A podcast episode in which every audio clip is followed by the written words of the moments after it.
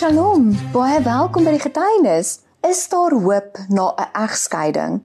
Wel vandag gaan Jack met ons gesels oor sy ervaring en wat die Here vir hom gedoen het. Jack, baie welkom. Baie dankie. Vertel net vir ons eers 'n bietjie jou agtergrond. Ek het groot geword in Namibië. Uh, so ek het daar skool gegaan, groot geword. My familie was almal daar. En uh, toe na my weermag is ek toe Suid-Afrika toe. En toe is ek nou later weer na my studies. Ek het maatskaplike werk gaan studeer. En daarvandaan is ons weer terug Windhoek toe. En uh, toe kry ek 'n werk as 'n terapeut uh op die myns. En toe is ons nou soontoe en daar wat ek nou beraader gewees. Maar my hart was moes altyd in die bediening gewees. En so na 3 en 'n half jaar toe besluit ek ek gaan nou Bybelskool toe. En toe is ons al die pad sak en pak is ons nou nou Bloemfontein toe. As jy sê ons, Ek ek en my vrou en ek het toe een seun gehad wat mm. nog wat wat baie baie baie jonk was. Mm. Vir 9 maande lank het ek gery Bloemfontein toe. Uh so so 3 4 keer gery om met die uh mense van die Bybelskool te gaan praat. Ja. En uh dinge toe nie uitgewerk daar nie. Die Bybelskool het ook toegemaak. En toe sit ek nou in Bloemfontein. Toe kom ons nou maar weer terug Suidwes toe. Eintlik het 'n pastoor my gebel van Windhoek af om te sê ek moet hom kom help in Windhoek. Toe is ons nou sak en pak Windhoek toe. En toe ek nou in Windhoek was, toe uh, kry ek nou pos as uh, maatskaplike werker by die gevangenisdiens. Ja. En toe het ek nou daar gewerk en berading gedoen met die inmates of met die gevangenes en so aan. Ehm um, ek het 4 jaar daar gewerk, maar die dag 1 toe ek instap, toe maak ek die deur toe en ek kniel en ek sê vir die Here: Here, hier sal ek bly totdat U 'n ander deur vir my oopmaak of totdat U vir my sê dit is nou klaar, is verby, ek moet aanbeweeg. U moet 'n deur oopmaak, U moet vir my sê. En ek het 4 jaar daar gewerk, ek het lekker gewerk. Ek het geniet om met die inmates te werk. En toe eendag toe kry ek 'n oproep van 'n uh, pastoor in Ketmanshoop en hy sê my hy moet wegkom, uh, weggaan want hy moet Suid-Afrika toe kom en hulle soek 'n pastoor, stel ek belang. Toe het ek onmiddellik geweet, want ek het nie aansoek gedoen nie. In 'n geval toe toe gaan ek uh, gaan doen my toetspreek in Goggas en ek word beroep en in daai selfde week toe bel Ketmans hoop se pastoor en sê hy moet ook weggaan, stel ek belang om sy gemeente oor te neem. Sit ek met twee beroepe, sommer so in in 'n week. Maar hulle kry toe iemand vir Goggas en toe gaan ek Ketmans hoop toe. En so het ek toe nou van Windhoek af, is ek toe nou in die bediening in. Toe is ons nou almal weer. Ek en my twee seuns nou en my vrou toe ons nou almal deur. Ketmans hoop toe. En hoe lank was julle toe nou al intussen getroud toe, toe jy nou so beroep gekry het? Dit was omtrent so 13 jaar, mm. want ons was 'n jaar in Ketmanshoop gewees, toe sy my los. Toe was dit nou 14 jaar. So ek dink was ons ons was toe 13 jaar getroud al. Jy het nou hier nou gesê sy het jou gelos. Hoe hoe dit gebeur? Ek het dit geniet in Ketmanshoop om om daar te bedien want dit was my roeping. Dit is wat ek altyd van gedroom het. Dit is wat ek wou doen. Ja. En ek het lekker gewerk. En uh die einde van daai jaar, toe gaan nou ons vakansie in Pietersburg. Want daar familie bly almal hier in in Pietersburg in daai omgewing. En uh die dag na Kersdag, toe moet ons terugry. En ek het nog daai oggend buite gaan staan. Dit is bid ek en sê Here, hierdie jaar gaan ek dinge weer vasvat. Toe ek nou in die huis kom, die aand, toe sien ek die briefie uitsteek daar by by Aktetas. Hmm. Sy het nooit vir my gesê sy los my nie. Toe staan dit in die briefie. Sy en die seuns bly agter. Hulle gaan nie saam terug na Mabie toe nie. Dit was moeilik geweest. Het sy vir jou gesê hoekom? Nee, tot vandag toe weet ek nie hoekom nie. Ons het nooit daaroor gepraat nie. Okay. Maar dit maak nie saak nie. Ehm um, ek het die briefie gekry daai selfde aand en dit is waaroor my boodskap gaan, die Ja. van vergifnis. Daai selfde aand wat ek die briefie gekry het, het ek al vergewe. Want ek het die krag van vergifnis al reeds geken. Ek het geweet as ek nie vergewe nie, ek moet terugry na my bed toe. Ja. Met wat gaan ek daar aankom? Met haat, woede, bitterheid En jy kan nie so in die bediening Nee. ingaan nie. En ek het 3 dae terug gery uh, sy Wes toe Ketmans hoop toe en dan kom Satan met die gedagtes. En wat gaan die gemeente sê? En hoe lyk jou toekoms nou? Want hy, hy juig nou ek is uit die bediening uit. En soos wat ek ry en daai gedagtes kom sê ek Satan gaan weg van my af in die naam van Jesus Christus want sy is vergewe.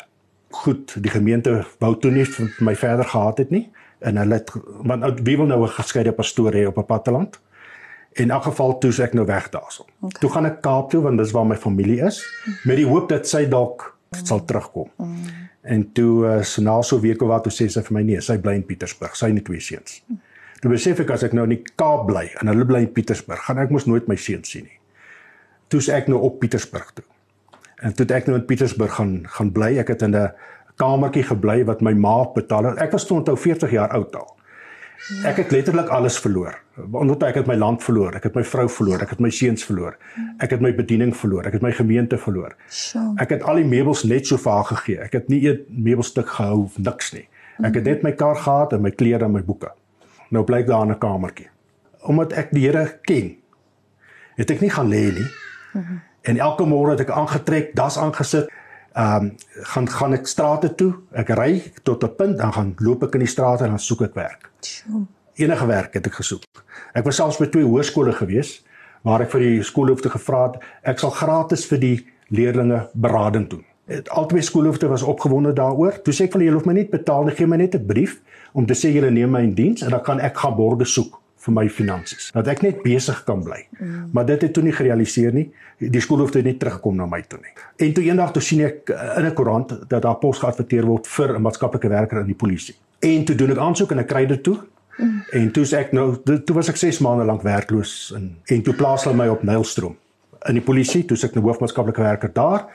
En toe ek nou in die polisie geplaas word, nou onthou ek doen nog steeds Christelike berading al word ek as 'n sekulêre maatskaplike werker in die polisie aangestel. Toe vergroot my grondgebied want toe werk ek in die Waterberg area. En dit sluit nou in Nylstroom, Warmbad, Nabomspruit, Potgietersrus, Ellisras, Tabbezimbi, Dwaalboom.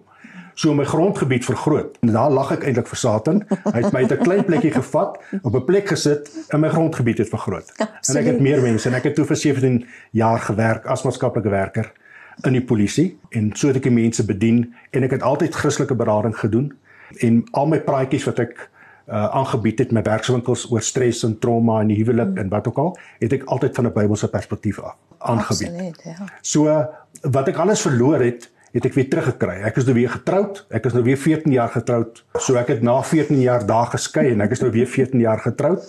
So ek het daarom 28 jaar se getroude lewe agter my plus die klompie jare van alleen wees. Mm. Maar dit het my sterker gemaak. So wat Satan se doel was, sy doel is mos vernietiging. Absoluut. Vernietig. Ja maar klaar geraak ontslaaf van hierdie persoon hmm. en ook van die persoon se bediening.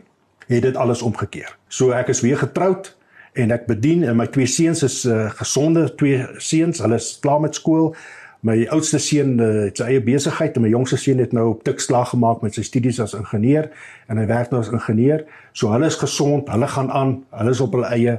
So uh, alles wat Satan basies van my gesteel het, het ek weer teruggekry en my grondgebied het groter geraak. En nou is ek uh, amptelik afgetree as 'n uh, beraader uit die polisie uit en nou uh, het ek my eie bediening en nou bedien ek maar mense soos soos wat hulle op my pad kom. Dis fantasties. Jy weet dit laat my dink aan die Jabes gebed waar ja ehm um, waar waar jy bid, Here, vergroot my grondgebied sodat ek 'n seëning vir ander kan wees. Beskerm my van die vyand hmm. en sy kloue sodat ek beskerm sal wees en die hmm. vyand sal nie kom steel nie. Dit wat die Here vir jou beplan het, het hy vervul. Die vyand wou kom verwoesting bring het, maar ek het nog steeds 'n plan hmm. met jou. En die vraag wat baie mense vra, jy het geweet dat vergifnis is die belangrikste doel, die belangrikste aksie wat jy moes geneem het hmm. op daai oomblik. Nou die vraag wat ek vandag vir jou het en ek dink baie kykers het. Kan jy vir die kykers vandag sê is daar hoop na 'n egskeiding? Verseker. Ehm um, en maar dit is nie sonder vergifnis nie. Mm. Jy moet vergewe om weer hoop te kry. Want vergifnis sluit een fase af voor 'n volgende fase kan begin. Jy kan nie met 'n nuwe fase begin as jy net die ou fase afgesluit het nie. Ja, jy praat oor jou probleem, jy praat oor die hartseer, jy praat oor jou pyn, maar as jy nie vergewe nie, het jy dit nie afgesluit nie.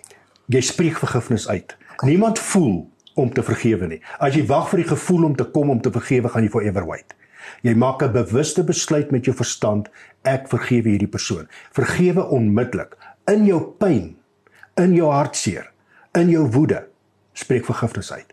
Moenie wag tot jy beter voel nie. Want Jesus het in sy pyn aan die kruis, in sy bloed, het hy vergewe. Absoluut. Hy het nie gewag tot hy van die kruis af is, deur die graf in die hemel aan die regterhand van God en toe het hy gesê nou voel ek mm -hmm. om die mense te vergewe. Mm -hmm. In sy pyn het hy vergewe. Stefanus ook toe hy gestenig is. Mm -hmm. Terwyl die klippe op hom reën, het hy vergifnis uitgespreek. So baie keer wil ons beter voel voor ons vergewe. Ja. Nee, jy skep die beter gevoel deur vergifnis. Moenie wag vir die beter gevoel en dan wil jy vergewe nie. Terwyl jy hartseer is, terwyl jy woedend is, terwyl jy kwaad is, spreek vergifnis uit. En hoe meer jy dit uitspreek, hoe meer kom die gevoel, hoe meer kom die vrede. So oorwin jy dan eintlik daai hartseer en pyn. Satan word geneutraliseer deur vergifnis.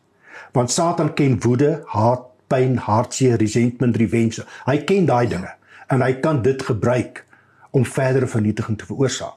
Maar die oomblik as jy iemand vergewe, neutraliseer jy Satan. Mm. Daarom vergifnis lê die fondasie ook vir gesprek.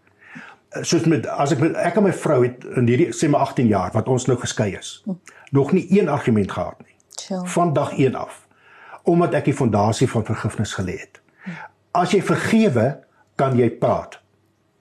As jy nie vergewe het nie, praat jy uit jou woede uit. Dis wel. Jy praat uit jou hartseer, uit jou pyn uit. So voor jy met iemand praat wat jy nagekom het, vergewe daai persoon eers. Spreek eers die vergifnis uit. Uh, spreek dit hardop uit.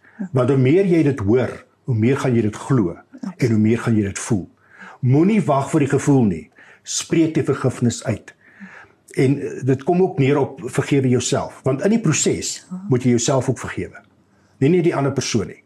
Jy moet jouself vergewe. En bitter min mense kan hulle self vergewe. Jy moet ander vergewe, maar jy moet jouself ook vergewe. Soos my naam is Jack. Kyk in die spieël so na moontlik as jy is en sê Jack, ek vergewe jou. Sure. Jy moet jouself kan vergewe sodat jy vry kan kom. Forgiveness is not the denial of the wrong done to you. Forgiveness is not the approval of the wrong done to you. Forgiveness is not forgetting the wrong done to you. Forgiveness is also not ignoring the consequences of the wrong done to you. Forgiveness is the processing of the wrong done to you. So jy gaan nooit vergeet wat jou aangedoen is nie. Hoe kan jy vergeet dat 'n geliefde gesterf het in 'n in 'n moord of 'n roof of dat jy verkrag is of jy was in 'n ernstige motorongeluk of 'n egskeiding? Hoe kan jy dit ooit vergeet? Maar jy verwerk dit. En wanneer jy dit verwerk, skep jy 'n nuwe memory. Nou kan ek oor my egskeiding praat, nie met negatiewe gevoelens van woede, haat en bitterheid nie, maar ek kan nou praat met hoop, met krag, so dit word my getuienis. En dit is wat vergifnis doen. Deurdat jy vergewe, neutraliseer jy die bitterheid en die woede. En so kan jy dan hoe sterker word en kan jy oor jou pyn en hartseer praat en jy kan ander mense bedien uit jou hartseer uit, maar met 'n nuwe memory, 'n nuwe gevoel, 'n nuwe ervaring, want vergifnis lê die fondasie vir 'n nuwe ervaring. Hmm. As jy nie kan vergewe nie, bly daardie persoon in beheer van jou lewe. Ja. So daarom spreek so gou as moontlik vry sodat jy kan vrykom want vergifnis is eintlik bedoel vir jou. Mm. Vergifnis is vir jou om vry te kom sodat jy kan aangaan met jou lewe. En as jy kan aangaan met jou lewe, kan jy God se bediening en sy roeping in jou lewe kan jy dan verder vervul. Jy is dalk in 'n situasie vandag of dit nou egskeiding is of dit nou finansies is, maak nie saak wat dit is nie en jy sien geen uitweg nie. God het altyd 'n uitweg en 'n oplossing vir enige probleem. Die geheim is, God werk deur mense. God kan engele gebruik. Hy kan self kom, maar gewoonlik werk God deur mense. So God gaan iemand gebruik wat reeds meer weet as jy oor 'n saak om jou te help. Mm -hmm. En daarom moet jouself nie isoleer van mense wanneer jy deur 'n moeilike tyd gaan nie. Soek iemand wat meer weet as jy want daardie persoon het 'n oplossing wat God vir hom of haar gegee het om jou te help om deur jou probleem te kom. Mm. So moenie te trots wees om hulp te vra nie. God sal jou wys wie is die regte mense wat jou kan help. Hemelse Vader, ons weet U is die God van oplossings. U sluimer nie, U slaap nie, U raak nie moeg nie. U het altyd 'n oplossing. U het voor die probleem daar is, het U 'n oplossing. En Here, baie keer is ons so besig in ons gedagtes, ons gevoelens oormeester ons dat ons in die oplossing raak sien. Dat ons nie hoor wat U vir ons influister in ons harte nie. En Here, baie keer is ons te trots om na mense toe te gaan en vir hulle hulp te vra. Daarom Here, het U beraders geskep, het beraders toegerus om ander mense te help, net om 'n nuwe perspektief te kry en nuwe krag te kry om deur 'n situasie te gaan. So ek bid te vandag vir mense wat luister, dat U vir hulle sal lei na iemand wat hulle kan help. En Satan, elke bose werk van jou elke leuen van jou kom weerstaan ek in die naam van Jesus Christus. En Here, ek vra dat u heerlikheid in mense se lewens sal deurbreek en dat mense sal sien u is 'n lewende God wat antwoorde het. U is nie sonder 'n antwoord nie op grond van die bloed en die naam en die kruis van Jesus Christus. Amen.